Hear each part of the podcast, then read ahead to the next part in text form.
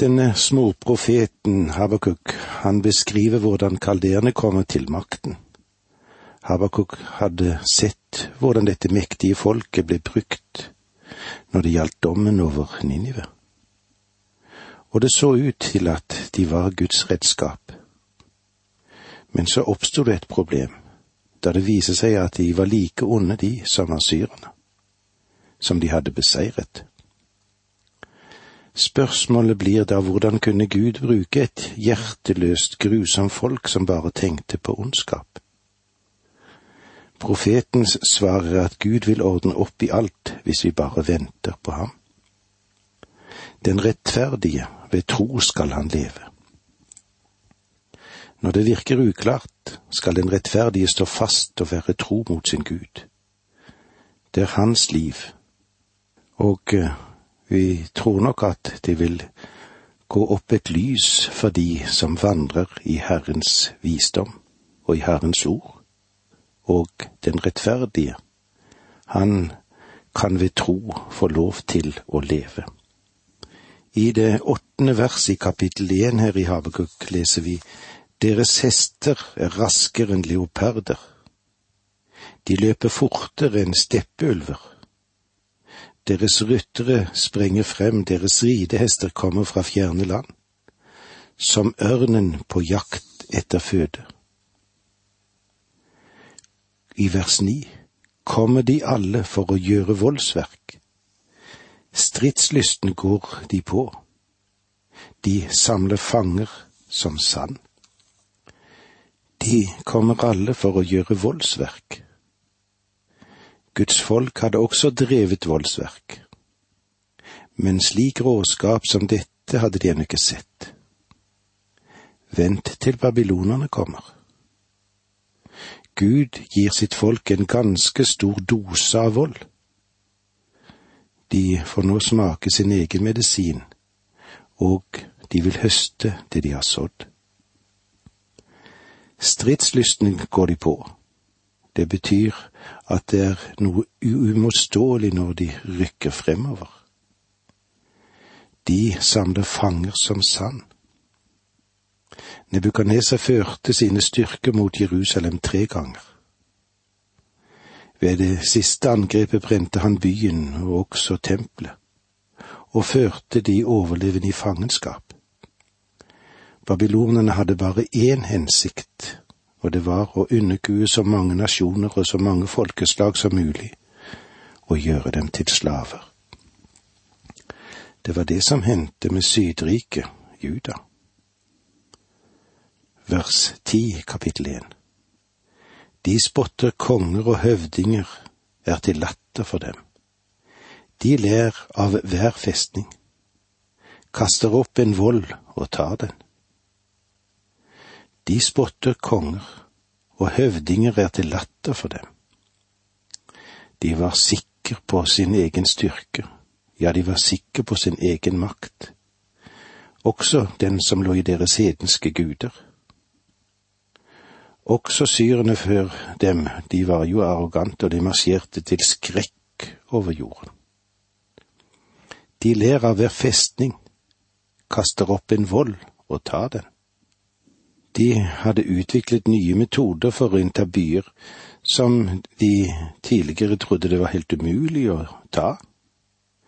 De slaktet ned for fote det svake og det ubrukelige. De sterke og de vakre tok de til fange. Vers 11. Så drar de sin vei og blir borte som vind. De gjør sin egen styrke til sin Gud. Det var nøyaktig dette Nebukadneser gjorde. I Daniel 4,30 leser vi i en uttalelse som denne mannen sa.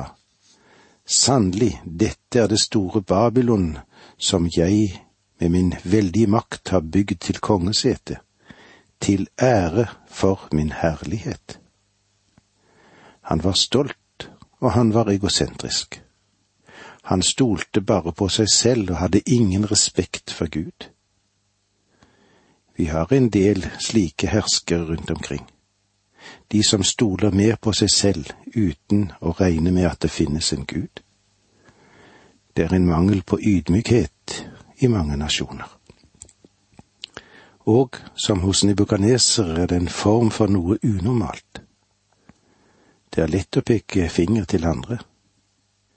Men jeg har en følelse av at hver den som er på den andre siden av den pekende finger, skulle også gjøre bot. Kanskje noe av vårt problem er at vi er avhengig av vår egen styrke og våre alliertes styrke. Kanskje vi er eh, opptatt av våre egne evner og vår egen makt. Vi roser oss selv og opphøyer vårt eget langs de samme linjene som Nebukadneser gjorde, er det slik. Det kan kanskje minne oss om det eksempelet som forteller om et fjell som var i fødselssmerter. Og hva var det denne fødselen ga? Et annet fjell? Nei, det fødte en mus. Selv om skrytet til store menn i dag lyder som et fjell, så er det de har oppnådd ikke stort annet enn å avføde en mus.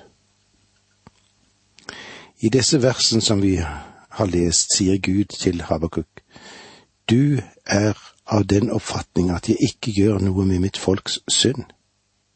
Men jeg forbereder en nasjon der nede på Efrauts bredder, og om mitt folk ikke vender om, så slipper jeg babylonerne løs. De kom, og analene forteller at deres ødeleggelser av Jerusalem, den var grusom, og den var total. Noen av de torturmetodene som de brukte da, ja, hva med det? Jo, det drev judafolket i langflyktighet, og det er nesten ikke gjørlig å tale om dette. Og nå kommer vi til profetens andre problem.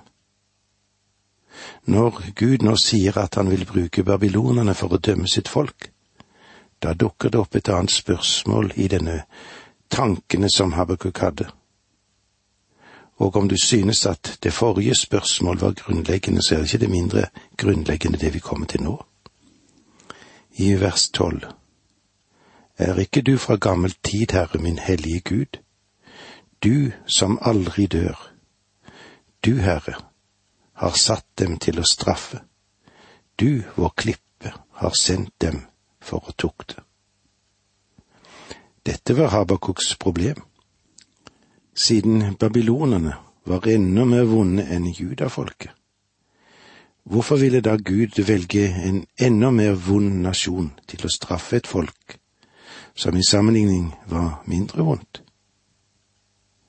Det er ikke første gang Gud har brukt en slik metode. Jesaja 10,5 kalles Asyria riset Gud bruker i sin vrede.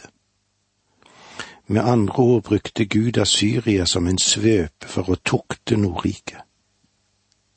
Etter at Gud hadde brukt Asyria som en tukt for Israel, dømte han Asyria for dets egne synder. Vi ser at det samme gjentas her. Gud kommer til å bruke et vondt folk, Babylonia, for å tukte sitt folk. Og når han har sluttført sin tukt, vil han dømme Babylon. Og det var nøyaktig det Gud gjorde. Han beveger seg gjennom menneskenes historie. Men det gjenstår et problem. Hvordan kan en hellig Gud bruke et syndig folk til å nå sitt mål? Kanskje dette er en ny tanke for deg? Om du tror Bibelen, så vil du se at Guds metode er å bruke et syndig folk til å dømme et folk som er mindre syndig. Om jeg kan få lov å bruke dette uttrykket, da. Om vi kunne se hva Gud gjør også i dag bak historiens scene, så er jeg sikker på at det ville ryste deg storlig. Det kunne tenkes at han har en tukt i beredskap også for oss som bor i Skandinavia. Hvorfor? Fordi en gang hadde vårt folk en grundig kunnskap om Gud, selv om den for mange var overfladisk. Bibelen ble sett på med respekt. Det var ikke så mange mennesker som visste så veldig mye om den, men de hadde respekt for den. I vår tid blir Bibelen ignorert og ikke ansett for å være verd å lytte til. Kanskje noen vil bruke Bibelen for å avlegge en gjed, men hvor lenge vil Gud tillate at vi fortsetter i vår gudløshet og i vår forakt for Hans ord? Hvem vil Gud bruke for å tukte oss? Vel, det var Habakuks spørsmål. Og hva er vårt spørsmål? Hvorfor ville Gud, som er en hellig Gud, bruke et hedensk folk til å tukte hans eget folk? Ja, dette er ting som vi må tenke på, bearbeide og ta inn over oss, og med disse ordene sier vi takk for nå, må Gud være med deg. Dette undervisningsprogrammet består av to deler. Åge Nevland fortsetter nå med andre del av dagens undervisning. Vi er i profeten Habakuk. Han har mye å lære oss og mye å fortelle oss. Kanskje sammenligninger med det som var i den tid, kan vi trekke inn i vår tid. Det er mye vi kan hente ut ifra Gud og ifra Guds ord og ifra hans profeter. Nå skal vi se litt om profetens andre problem. I det tolvte vers i kapittel én her i Habakuk leser vi slik. Er ikke du fra gammel tid, Herre, min hellige Gud, du som aldri dør? Du, Herre, har satt dem til å straffe, du, vår klippe, har sendt dem for å tukte. Lytt nå til hva Habakuk har å si oss, denne velformede klage. Er ikke du fra gammel tid, Herre, min hellige Gud, du som aldri dør? Gud er kommet fra evighet. Han er evig Gud. Habakuks klage kunne formes slik. Du er en hellig Gud. Hvordan kan du bruke et folk som det babylonske? Vi har hørt rykter om at et stort folk som bygges opp der ved Eufrat-elven, men jeg hadde aldri drømt om at du ville bruke dem mot oss. De har vært vennlige mot oss. Da kong Hiskia var syk, sendte de en ambassadør til ham, og han ga dem en behandling som var en ambassadør verdig, og viste dem alle skattene i riket. Selvfølgelig noterte ambassadøren seg det fordi de en dag ville vende tilbake, og hva ville skje? De ville røve gullet. Men Habakuk så ikke alt dette. Han hadde aldri drømt om at Gud ville bruke Babylon til å tukte Juda. Han forsto ikke hvorfor en hellig Gud ville bruke en slik metode. Så sier han, vi skal ikke dø. Og det hadde han rett i. Dette går tilbake til Guds løfter til Abraham, til Isak og til Jakob. Gud sluttet pakter med Moses og Josva og David. Han ga løfte til profeten som hadde stått frem på scenen før Habakuk. Gud hadde sagt at han aldri ville la dette folket gå under. Vi skal ikke dø. Legg merke til at dette ordet sier ikke at Gud vil knuse, men han vil straffe. Gud er ikke ferdig med israelsfolket. Gud har en evig hensikt med dem på samme måte og på samme vis som han har hatt det gjennom den menighet som han kaller ut av denne verden. Og Guds barn kan også si i dag, vi skal ikke dø. Den Herre Jesus Kristus kom til denne jorden for å dø. Det sa han at han skulle. For å dø i vårt sted. Han skulle dø i ditt sted og i mitt sted. Han sa, Jeg er oppstandelsen og livet, og han kom tilbake fra de døde. Han ble overgitt til døden for våre synder og oppreist for at vi skulle bli rettferdige for Gud, som det står i Romerbrevet 425. Den Herre Jesus sa til de to gråtende søstrene til Lasarus, Jeg er oppstandelsen og livet. Den som tror på meg, selv om han dør, tenk på det, han skal dog leve. Og Jesus fortsetter, og hver den som lever og tror på meg, skal aldri i evighet dø. Tror du dette? Det er evangeliets budskap, dette. Det er noe du og jeg kan få lov å tro det. Selvfølgelig vil du en dag dø rent fysisk, men er du nå død åndelig? Om du er det, da vil du være død i dine overtredelser og synder for resten av evigheten. Og hva betyr det? Jo, det betyr en evig adskillelse fra Gud. Gud er en hellig Gud, og han vil ikke dra synd inn i himmelen. Men han har lovet at om vi stoler på Hans Sønn, så vil han gi oss evig liv. Gud sier til oss, om du vil tro at du er en synder, at du ikke fortjener din frelse, at du ikke har mulighet til å lage den til for deg selv eller jobbe deg frem til den, vet du hva, da tilbyr jeg deg den og får den som en gave. Og ved min nåde kan du bli frelst, sier Gud. Du vil motta evig liv. Den som har Sønnen, har livet. Har du Sønnen i dag? Om du har det, så har du liv. Du har evig liv, og du vil ikke dø. Da Habakuk var klar over at folket skulle ikke dø, så var han på rett spor. Men han kunne ikke forstå det, like så lite som mange av oss kan forstå det. Det er vanskelig å forstå Guds handling i verden. Gud hadde fortalt Habakuk tidligere at han trengte å få et perspektiv på Guds gjerning. Du og jeg, vi har en veldig fordel i våre dager fordi vi har et perspektiv på historien. Vi kan se tilbake til Habakuks tid, ja, vi kan se lengre tilbake enn det. Vi kan se tilbake på starten på det menneskelige liv og den menneskelige familie. Vi har et ganske godt perspektiv på Guds handling med folkene i verden, og Guds handling med Israel. Gud steller også med sin menighet som er i verden i dag. Gud går frem på forunderlig vis for å gjøre sine undergjerninger. Han har sagt til oss at hans veier er ikke våre veier, at hans tanker er ikke våre tanker. For mine tanker er ikke deres tanker, og deres veier er ikke mine veier, sier Herren. For som himmelen er høyere enn jorden, er mine veier høyere enn deres veier og mine tanker høyere enn deres tanker, som det står i Jesaja 55, 8 og 9.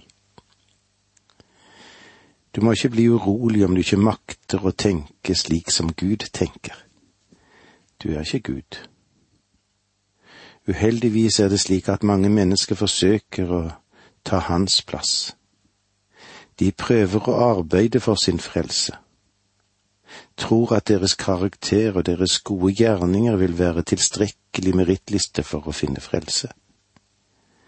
De venter at Gud skal klappe dem på hodet en dag og si, Du var sannelig en hyggelig, søt liten gutt eller jente da du var på jorden. Men Bibelen sier at vi er alle korrupte syndere, fremmedgjort for liv i Gud, uten evne til å forstå Gud i det hele tatt skal du komme til Faderen, så må du komme som Han vil, ellers så kommer du aldri dit. Vi må innse dette. Vi er et folk av stolte mennesker som trenger å bli punktert for vår egen fortreffelighet, som en knappenål kanskje punkterer en ballong. Et enkelt lite bilde, men kanskje stort nok. I stedet for å klandre alle andre for problemene i vårt folk, eller klandre de problemene som måtte oppstå i menigheten, eller problemene som kan oppstå i våre hjem, så bør vi falle ned for Guds åsyn og bekjenne vår egen synd. Det er ikke min bror, ikke min søster, men det er meg, Herre, som ligger her og har behov for det du har å gi oss. Vi stiller oss inn for ditt åsyn i bønn og tillit. Dette var situasjonen judafolket hadde på Habakuks tid. Du, Herre, har satt dem til å straffe. Hva er det vi legger merke til her? Jo, Her peker Habakuk finger til Babylon. De er de onde, og vi er de gode. Det er forunderlig hvor raskt vi kan endre synspunkt. Som han uttrykte det sørafrikaneren som en gang sa det slik, du forstår at når vi tar livet av noen av de hvite, så kalles det en massakre. Men når de hvite går bersersk blant mine sorte brødre, så kalles det en seier. Det er interessant hvordan vi alltid stiller oss selv sammen med de gode. Du, vår klippe, har sendt dem for å tukte. Med andre ord så sier Habakuk, Herre, det er egentlig ikke oss som er de onde i det hele tatt, det er de som er de grusomme. Det er dem du burde dømme og korrigere. Han har glemt at han gikk til Herren og spurte Herren hvorfor han ikke gjorde noe med det onde blant sitt eget folk. Habakuk hadde tenkt på at folket satte loven til side, og at de stilte seg likegyldig til det Gud hadde å gi. De brydde seg ikke om Guds bud. Habakuk hadde anklaget Gud for ikke å gjøre noe med den situasjonen som de var kommet inn i. Har han glemt det? Her møter vi nå Habakuks argument, vers 13. Ditt blikk er for rent til å se på det onde, og ulykke orker du ikke å se. Hvorfor bærer du da over med de troløse, og tier når gudløse sluker dem som er rettferdigere enn de selv? Og med disse ordene sier vi takk for nå må Gud være med deg.